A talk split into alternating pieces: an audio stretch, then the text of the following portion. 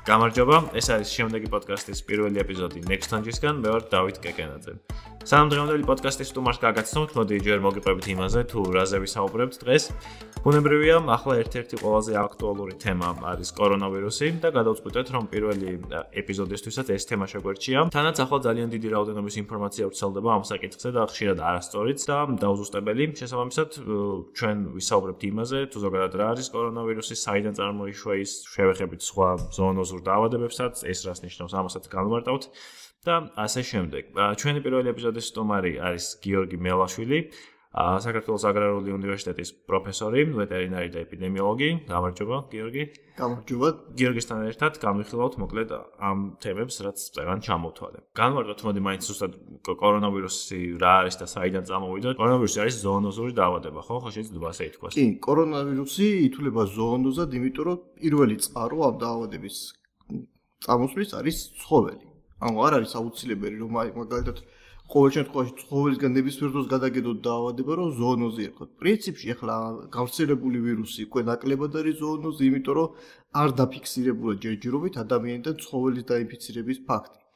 მაგრამ მაინც ითვლება ზოონოზად, რადგან პირველ წყარო არის ზოონოზი განმარტება არის ამ ცხოველიდან და ცხოველიდან გადაცემული დაავადება, მოკლედ ესე შეიძლება ჩამოვყალიბოთ ზოონოზის ცნების განმარტება. ისე კიდე რა რა ზონოზო პრინციპში ეხლა პირველ თავშიაც მომიდა რა ვიცი სოფი მაგალითად ხო ზონოზო სოფი ზონოზია თან აბსოლუტურად ძალიან საინტერესოა ის რომ მაგალითად ადამიანიდან ადამიანზე არ ფიქსირდება სოფის გადასვლა სამაგეროდ ფიქსირდება ყოველთვის ცხოველიდან ადამიანზე მაგრამ არის მაგალითად შემთხვევები რომ თუ არის ზონოზებიდან ცოფს აქვს ჩიხები. მაგალითად ადამიანი ცოფისთვის არის ჩიხი, ადამიანიდან არავისი არ გადადის. აი მაგალითად, ცხვარიც ჩიხია ცოფისთვის, ცხრიდან არავისი არ გადადის, იმიტომ რომ ცხვარი როგორც ასეთი არ იყბინება, ხო? თუ შემთხვევით დაიდორბლა ჭირილობა ცოფიანი ცხრისგან, გამოდის რომ დაავადდება, მაგრამ მაგისი შანსი არის უკიდურესად მცირე. რასაც ვერ იტყვით სხვა ვირუსებზე, რომელიც ჰაერწეთოვანი ან სხვანაირი გზით გადადის. აჰა, ეს ჩიხის ცნება არ გამიგია, მართალია. ამ შემთხვევაში კორონავირუსი ჩიხი არ არის, იმიტომ რომ ვიცით რომ ადამიანთან ადამიანზე საკმაოდ წარმატებით ვრცელდება.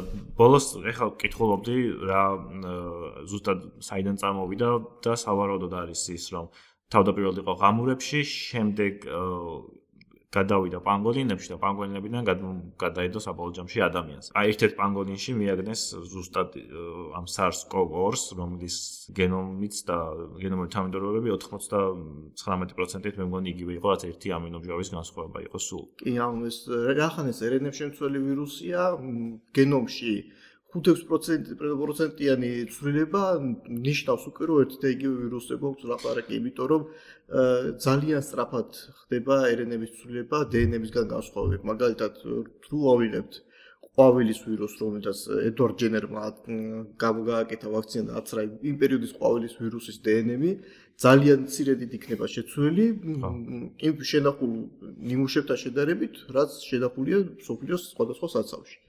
მაგრამ RNA ვირუსზე მაგალითად ამას ვერ ვიტყვით. ელემენტარულად RNA ვირუსი ორგანიზმში შეჭრისას სხვა ვირუსია და ორგანიზმიდან გამოსვლისას უკვე ცოტათი სხვა ვირუსი ხო სხვათა შორის იყო რომ რამდენიმე დღის წინ უკვე ესტინად იყო რომ აი გავრცელდა რომ მუტაცია განიცადა და ერთი გახდა უპერო უფრო მომოკვდინებელი შტამი და რაღაც რაღაცა და რეალურად ანუ დაფიქსირდა ოდნავ განსხვავებული კორონავირუსი თუმცა რეალურად დიდი განსხვავება მათ შორის არ იყო იმ გაგებით რომ განსხვავებული მიმდინარეობა და შემდეგ არ ქონდა რა. არა, დიდი სხვაობა არ ყოფილა, ნახე ეგ სტატია, ძალიან მომეწონა, მაგრამ შემდეგ პრესაში გავრცელებული ტექსტი იყო ზოგი ძალიან სასაცილო იყო, რომ თარგმნით თვითონ ვირუსი გახდა ძალიან პროგრესიული. ამაზე აგრესიული ვირუსი ვერ გახდება, ისედაც ემართება ადამიანს, ისედაც გადადის, ისედაც იწვევს დაავადებას, მეტი რაღა გვინდა.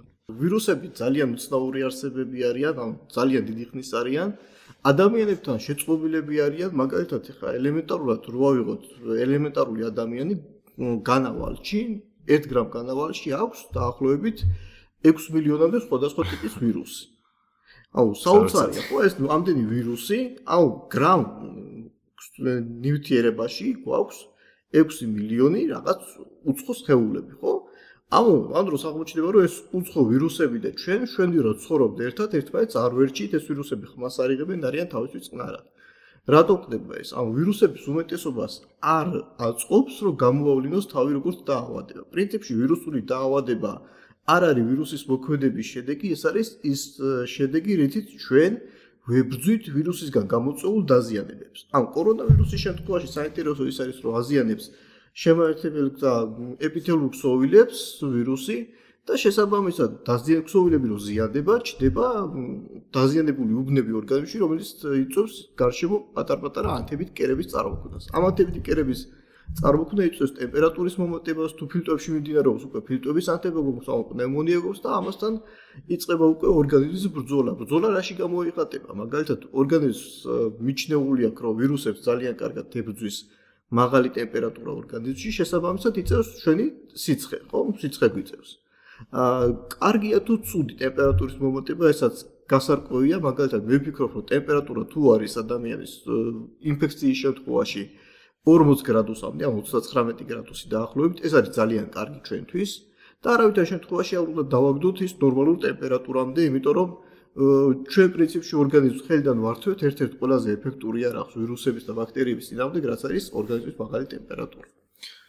აა ხო, სხვათა შორის მეც ვკითხულობდი ზუსტად კორონავირუსი როგორ მოქმედებს და საბოლოო ჯამში შემდეგ ერთ-ერთ ფაქტორად ის ხო დასახელებული რომ მაგალითად ანუ ფილტუს ქსოვილში როგორც ვიცი იქ მიმდინარეობს ერთად აქტიური კერა და საბოლოო ჯამში მოკლედ იმუნური სისტემის გადაჭარბებული რეაქციის შედეგია ხოლმე მგონი ხშირად ის უარყოფითი რაღაცა ფაქტორები რაც კი ესეც ხდება. მაგალითად არის დაავადებები სადაც თვითონ მიკრობი დიც ვერაფერს ვერ აკეთებს აი ელემენტარულად ბრუცელოზი რომ ავიღოთ მიკრობი თვითონ არ არის აგრესიული ძრება თავისის უჯრედში მრავლდება.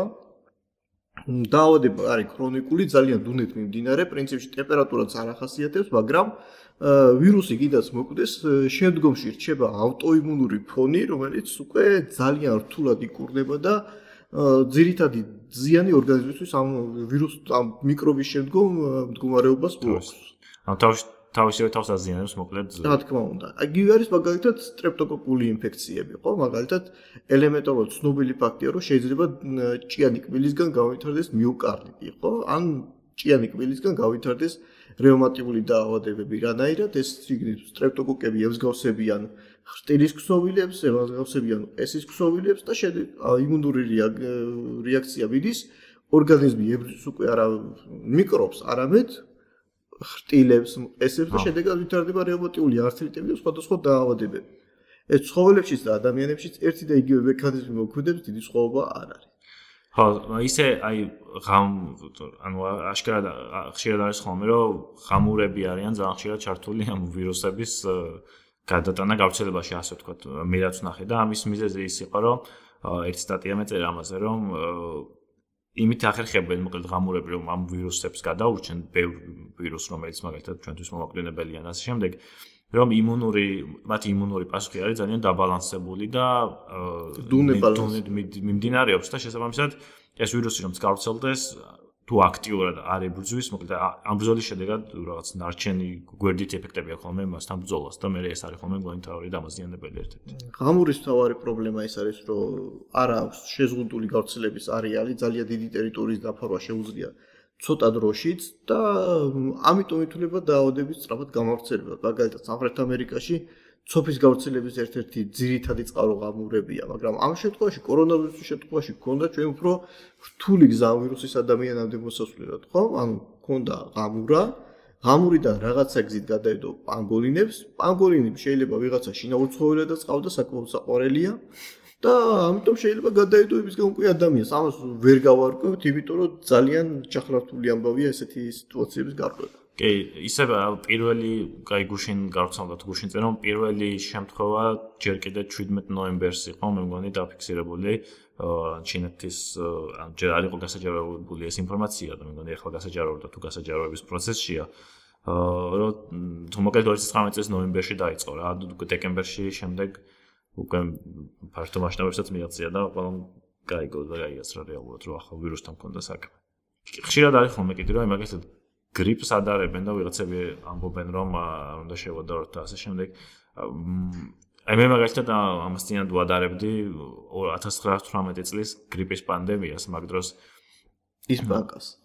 ხო, ისპანური გრიპის პანდემიას და აი სიკვდილიანობის მაჩვენებელზე იყო ეხლანდელი მონაცემებით მაგალითად კორონავირუსთან მიმართებაში მე რაც ნახე ასე ვთქვათ რეინჯი ეგრეთ წოდებული 3.3.5% იყო მგონი მაქსიმუმი და სადაც 1% არის უფრო რეალურთან მიახლოებულია. კი, ამ სუბაში კიდე გრიპს ძალიან სხვანაირი სიკვდილიანობა ახასიათებს განსაკუთრებით ისტორიულ პერიოდში რომ ვაპარაკობთ 1918 წელს არ არსებობდა არანაირი ანტიბიოტიკი, ანუ გრიპის დამორთვა იმდენად არაფერი არ არის, რამდენის გრიპის შემდგომი გართულება მეორადი ინფექციებით, ხო? ახლა გრიპების ძალიან ბევრი სახეობა არსებობს.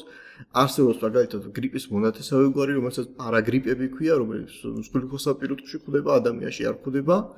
და არსებობს ბევრი გრიპი, მაგალითად ღორის გრიპი, ქათმის გრიპი, ეს მაგრამ ეს ვირუსები უფრო სხვა ტიპისები არიან, აგებულებითაც და ფუნქციონირებითაც და გადაცემის ტიპებით სხვადასხვანაირი აქვს. მაგალითად, გრიპს არ აქვს ესეთი ლიპიდური გარსი, რაც კორონავირუსს აქვს, ანუ მაგალითად, საპონი კორონავირუსს უფრო ეშინია საპნის, ვიდრე გრიპის ვირუსს. ანუ ხელებს თუ საპნით დავიბანთ, ეს იმას ნიშნავს, რომ კორონავირუსები თუნდაც სკლად გვედოს ამ კორონავირუსების მასა ხელზე განეიტრალდება აბსოლუტურად ყველა, იმიტომ რომ ეს ლიპიდური გარსი თუ გახსნა საპონმა, და საპნების უმეტესობა შეუძლიეს ლიპიდური გასის დაშლა, ეს ვირუსი არის მკვდარი არა, მაგრამ ინაქტივირებული, აღარ შეუძლია უჯრედში შეჭრა. თუ ვირუსი უჯრედში ვერ შეიჭრა, გამოდის რომ ვერ გამრავლდება, იმიტომ რომ ვირუსის ცხოვრების ციკლი არის ასეთი. დაფრინავს თავისთვის ეს ვირუსი სადღაც ამ მიწაშია, ან წყალშია, ან ვიღაც სხვა ორგანიზმშია. უფრო სხვა ორგანიზმში არის ხოლმე რეზერვუარებში, იმიტომ რომ გარემოში როგორც წესი ვირუსები არიან ძალიან მოწყვლადები, ან ძალიან მალე ხოცებიან. არის მაგალითად ისეთი ვირუსები, რომელიც ელემენტარულად აერში ხოცებიან 15-20 წამში ასეთი, მაგრამ ორგანიზმში საშინელებებს ახდენა, ხო?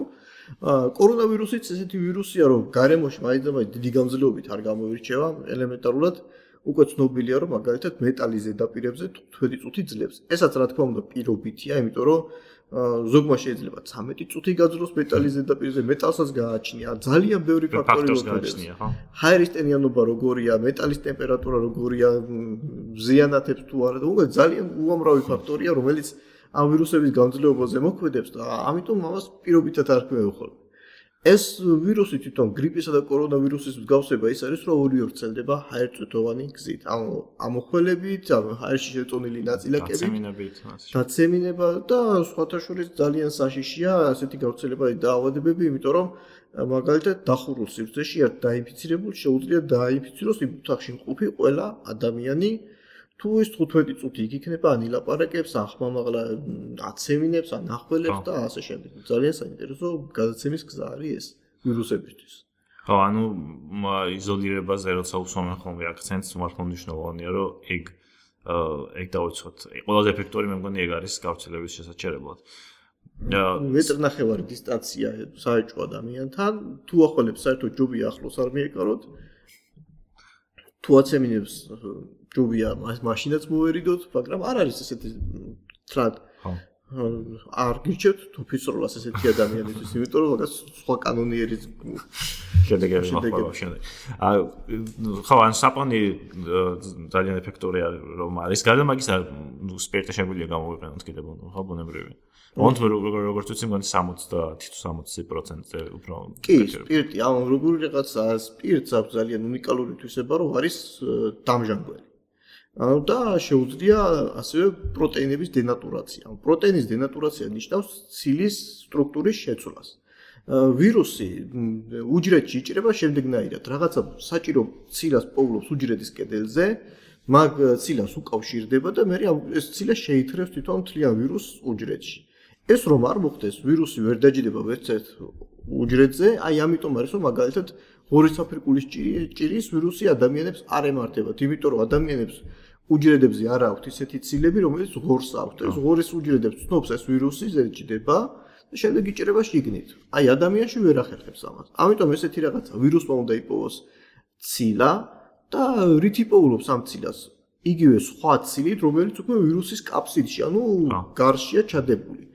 ეს ორი ცილა ერთმანეთს უნდა ემთხვა მურჩა შეიძლება იქნება ამ შემთხვევაში მოდი სპაიკი შეგაწყვეტინა სპაიკ ცილა იყო ესე დაარქვეს ანუ ამ ვირუსის ვირუსს აქვს გარშემო ზედაპირზე განლაგებული სპაიკ ცილები რომლებიც ასე ვთქვათ გასაღებივით ერგება მე უჯრედის წამახული მონაკვეთებია ესეთი გამოშვერილი ცილებია კორონავირუსის სახელით მანდ დამოწ რომ ბევრი ესეთი წამახული ნაწილაკია თავზე და მოკლედ ეს ცილები თუ მიუერთდა უჯრედის ცილას მოხდება მაგრამ სპირტი რას აკეთებს სპირტი აკეთებს დენატურაციას, ანუ ცილის სტრუქტურის შეცვლას. ეს პაიქცილები სპირტთან კონტაქტისას იშლება, უფრო არ იშლება, მაგრამ დეფორმირდება და შესაბამისად უკვე გასაღები შეგიძლიათ მაგალითად აიღო თქვენი სახლის გასაღები, დაჭყიდოთ კარგად გემოდი და ეს აღარ გააღებს. აღარ გააღებს ის გასაღები. ეს უბრალოდ ესეთი რაღაცა ემართება სპირტის ზემოქმედებით ამ ვირუსის ცილებს.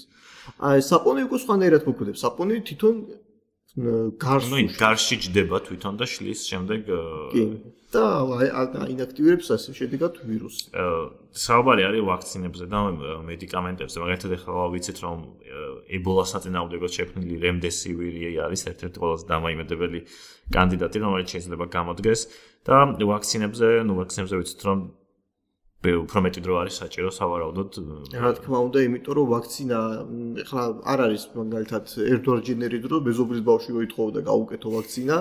აქ უკვე სხვანაირი პრინციპით მუშაობს, ანუ პრეპარატის შექმნას გარკვეული დრო ჭირდება, ანუ საჭიროა რომ დარწმუნდეთ მის უსაფრთხოებაში. და სანამ ეს პროცედურას არ ჩაივლის, იქამდე ვაქცინა ელემენტარულად არ გვეღირსება, იმიტომ რომ ითვლება რომ ჯობია არ გარისკო ადამიანის ჯანმრთელობა, ვიდრე გამოუშვა არასტაბილური ან მსგავსი. ბოლომდე გადაუმოწმებელი ხო ვაქცინა. ბოლომდე გადაუმოწმებელი პრეპარატებით მკურნალობას თანამედროვე მედიცინა არ ცნობს. ეს არის ფაქტი. ძალიან კარგი. ანტივაქსერების და სხვა კრიტიკოსების საპასუხოდ. აა ისე ამ ერთი მოსაზრება შემხვდა რომ აი მაგალითად ავიღოთ ადამიანი, ვისაც დაემართება კორონავირუსი, შემდეგ გამოჯამთელდება და მის სისხლიდან ანტიხეოლები გამოყვათ და გადაუხსნათ სხვა ადამიანსო, რომელსაც ეს ვირუსი. ხო, მაგრამ საქმე გვაქვს არა ბაქტერიას, აი მაგალითად სტაფილოკოკის შემთხვევაში ძალიან მიღებული პრაქტიკაა ეს ინფექციებში. რომ მაგალითად უკვე სტაფილოკოკ გადატანილია ადამიანის ანტიხეოლები შეიძლება გადაუხსნა, მაგრამ ა გვაქვს საქმე ვირუსთან, რომელიც არის ცვალებადი, ანუ ცილების სტრუქტურა ეცვლება, ანუ შეიძლება ელემენტარული მუტაციის შედეგად ეს ჩვენი ორგანიზმის ანტისხეულები არ მოერგოს სხვა ვირუსს, იგივე ჩვენი ორგანიზმიდან გამოსულ ვირუსს, ანუ მაგალითად მე დამემართა კორონავირუსი, გადამიარა, აბიღეს სისხლი, გააკეთეს პლაზმა, იმიტომ რომ პირდაპირ სისხლის გადასხმა საფათოა, გააკეთეს მაგალითად სისხლის პლაზმა, რომელიც ყველა უჯრედია მოცილებული და დარჩენილია მარტო ცილების სისხლის. და გადაუსხეს ვიღაცა სხვას, რომელსაც დაემართა ჩემგან გადავდე მაგალითად კორონავირუსი, მაგრამ დიდი ალბათობით ეს არ იმოქმედებს, იმიტომ რომ ვირუსმა შეიძლება შეცვალოს ის მონაკვეთები თავისი გარსის, რომელზეც ეს ჩემი სისხლის უჯრედები, უბრალოდ ნივთიერებები რეაგირებენ.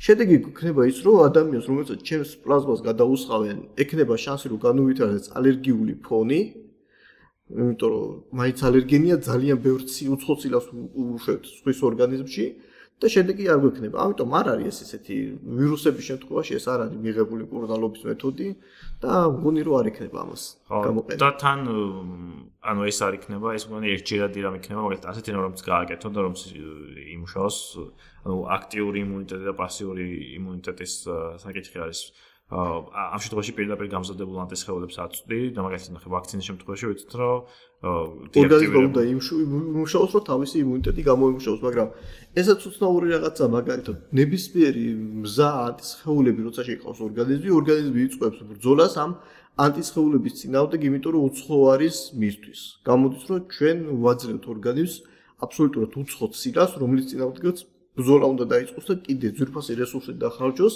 და ლაპარაკია იმ რესურსზე, რომელიც უნდა გამოიყენებინა მაგალითად ამ ვირუსის დასამარცხებლად, ხო? შეიძლება სიკვდილისთვის გავწიროთ ავადმყოფი ესეთი სისხლის გადასხმით. კი, ან შეიძლება საპირისპირო შედეგი ჰქონდეს. აა ისე რას ფიქრობ, აი როგორ გაგზავნება ეს ამბავი ახლა რაღაც მე მგონი უკვე 140.000-ზე მეტი ადამიანია დაინფიცირებული და აი გახდება თუ არა მაგალითად ყოველწლიური ან ზოგადად მუდმივი წესით ესეთ ინფექციებს აქვს ორი გამოსავალი.